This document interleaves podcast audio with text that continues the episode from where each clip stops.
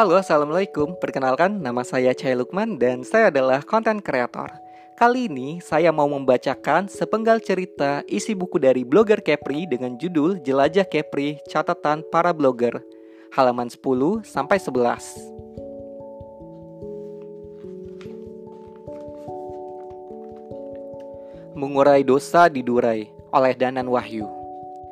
Hati-hati dengan rasa penasaranmu jika kau tak mampu mengendalikannya dengan baik, ia akan membawamu jatuh dalam dosa.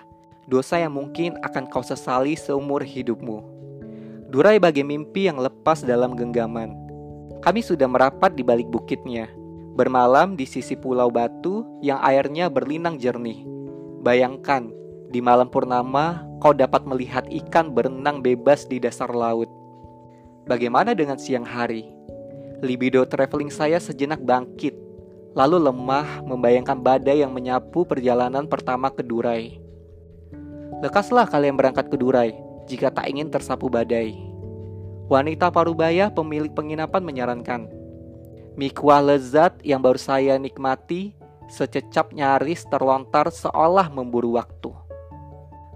Makan siang menjadi secepat kilat hanya menyisakan rasa kenyang tanpa rasa nikmat. Ini hari kami ketiga di Anambas. Setelah mengurai semua keindahan pantai dan Kabupaten Anambas, rasanya tak lengkap tanpa Durai. Pulau itu memang tak seelok penjalin, tapi destinasi wajib yang harus dikunjungi.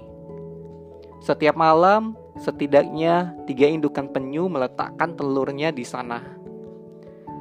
Dan kembali biduk fiber mengantar kami ke Durai.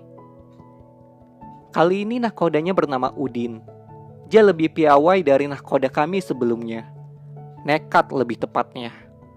Gegara kisahnya yang tak pernah surut tentang Durai, kami kembali menyambangi pulau penyu itu. Sudah sampai Kanambas, masa tak sampai Durai? Sia-sialah. Celoteh itulah yang membuat jiwa petualangan kami panas. Meski awalnya berkobar-kobar karena nafsu ingin melihat keindahan alam, tapi pada akhirnya nyali menciut Ombak setinggi 2 meter menghadang di depan.